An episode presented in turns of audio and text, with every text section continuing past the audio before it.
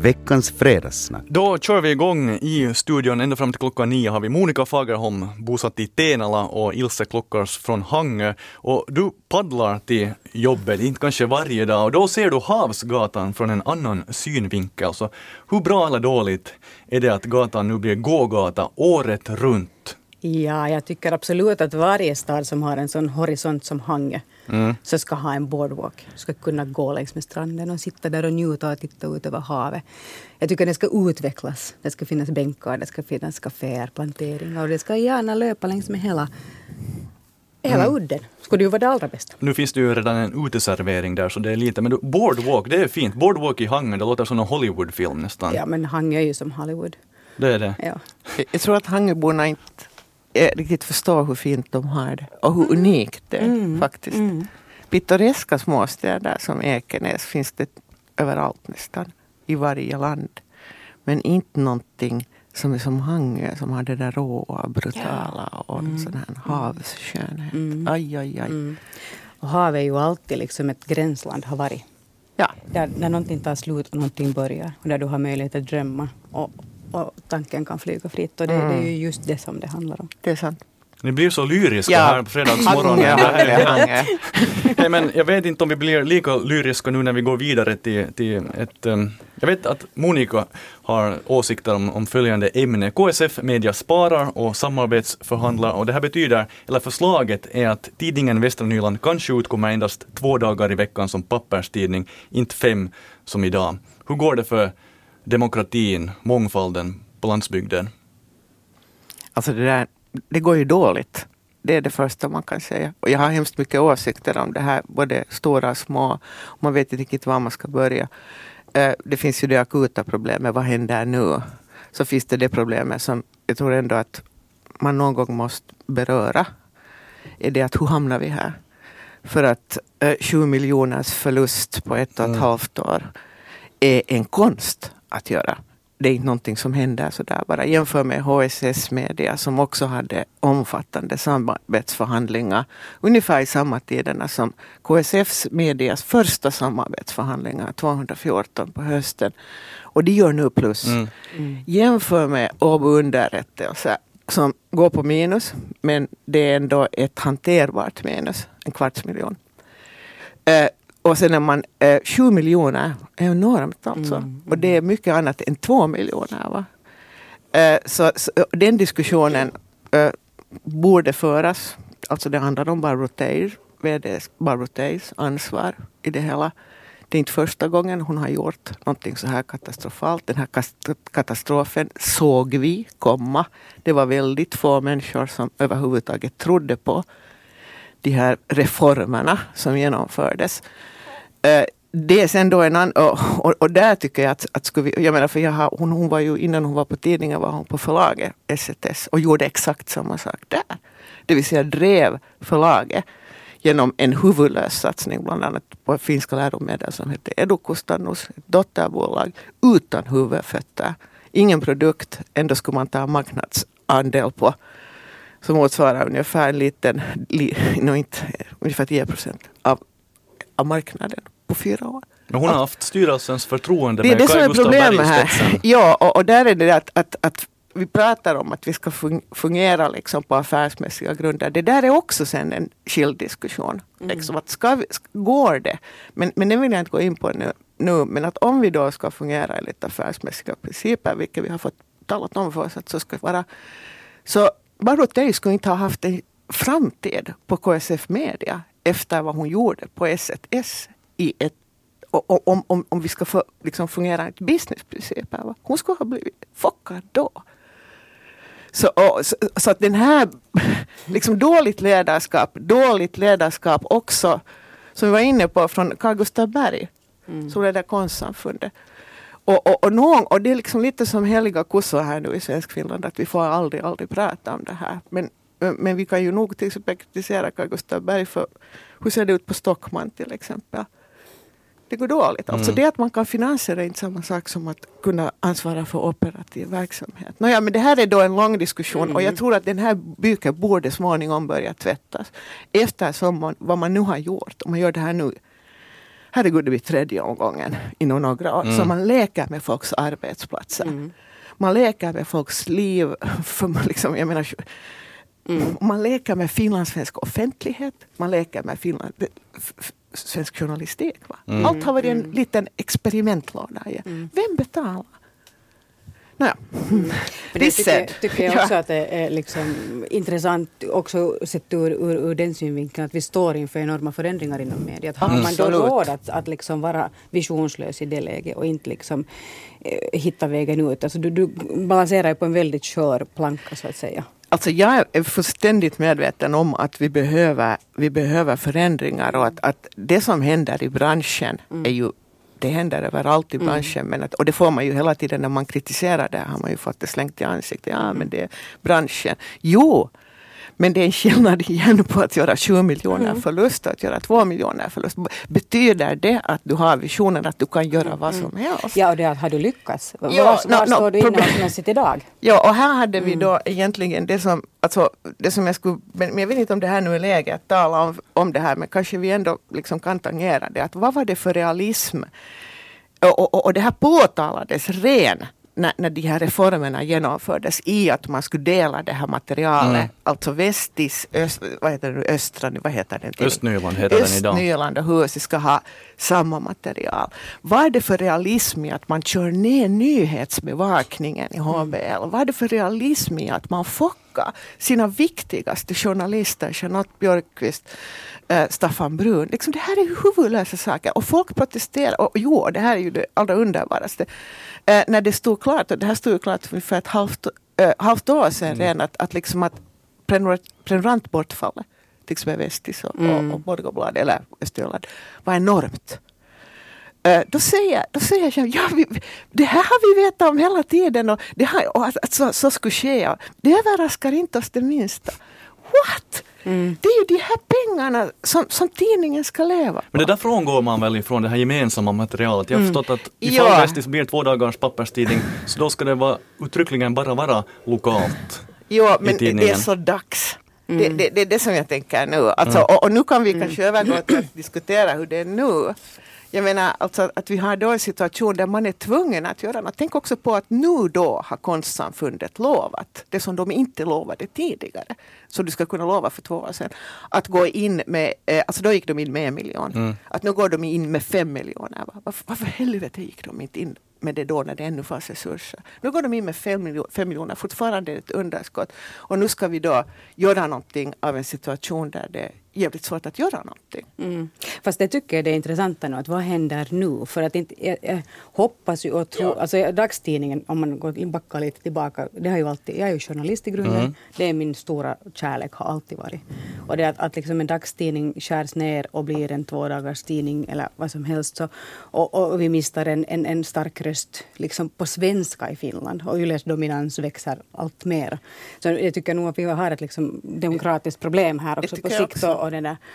Men, men, men det intressanta frågan tycker jag att, att, att, att vad händer då? För inte kommer ju papperstidningen två dagar i veckan att, att bli vara i det nuvarande formatet. Nej, nej. Och vad, kom, vad kommer liksom, vilken är visionen för vad man skapar då uh, online och, och Alltså det skulle jag vilja höra lite mer om. För det kan ju hända alltid när man går i väggen, alltid när någonting kraschar, så då föds någonting nytt. Och finns här nu någon slags vision eller är det bara så att man gör det av nöden? Nej, alltså ärligt talat så, så, så jag tycker att den här diskussionen sen då, det är därför jag vill hålla de här sakerna skilt, mm. är jättevärd att föra. Men jag ser nog det på det viset att vi nu har också ansvar för en massa journalister som blir arbetslösa. Och där vägrar jag tänka som på att mm. det här är en jättestor möjlighet igen. Mm. Alltså jag blir rasande på det ja, ja, där, där är jag när, när, man, när man liksom mm så att säga, man, man låter yxan gå så är det mm. bara möjligt. Men det ska ja. säga, nu ska vi återgå till det liksom, konkreta här. Att jag tror att, att i sig så, så är det som du säger att, att en produkt, eller kan, varför måste vi säga produkt? Vi kan säga tidning, vi kan säga... Ja, liksom, vad det är, som, det vet vi inte vad det kommer att vara. Liksom mm. som finns på olika sätt. Som kommer i papper eller fysisk form då två, två gånger i veckan. Det är klart att det är en annorlunda än dagstidning och det, och det kan vara riktigt kul. Cool, va? Mm sådär. Men sen eh, med problemet, men ja det kan vara riktigt kul, det har jag liksom ingenting. Det mm. är bra. Men en sak som jag skulle säga också att jag tror också att vi har alltså på riktigt nu det här demokratiproblemet. Vi vet inte heller vad som kommer att hända med YLE. Eh, nu i maj kommer, mm. kommer Bernes äh, ska det väl börja vidtas åtgärder här också. Och, och, och som, åtminstone när vi nu tittar på att hur det har sett ut här nu med de andra Bernersåtgärder så ser det nu så lösande ut. Och, Nej, och det är nog lite skrämmande. Ja, och, och, då kommer vi igen till frågan att kan, kan liksom finlandssvensk media överleva på businessprinciper eller liksom på, på och, och, och, och vad är vad är den finlandssvenska offentlighetens liksom roll om vi inte tänker marknad? Mm. Nåja, men nu, nu kommer vi av oss igen. Ja, där kan jag säga tycker jag egentligen att vi kommer av oss alls. Egocentriskt så vet jag att uh, de flesta inom YLE väntar på den här rapporten och, och funderar att vad kommer det att uh, föra med sig, men det får vi se sen. Om jag pratar om Vestis och KSF Media, uh, det finns konspirationsteoretiker som säger att nu gör man lite samma sak som man som Raseborgs stad, att man först kommer ut, skrämmer upp, hej, sju skolor kanske läggs ner. Sen i verkliga fallet blir det kanske bara fyra. Så tror ni att det ännu finns en möjlighet att eh, Bästis utkommer tre dagar i veckan, mm. till exempel som papperstidningen? Får jag säga bara, eh, jag reagerar också mot det här att tänka, eller stirra sig blind på ett visst antal utgivningsdagar. Jag tycker att det är egentligen relevant. Utan relevant är det att vad det innehåller. Mm. Vad finns det för innehåll i de här tidningarna som intresserar människor till den graden att de vill läsa det, de vill betala för det.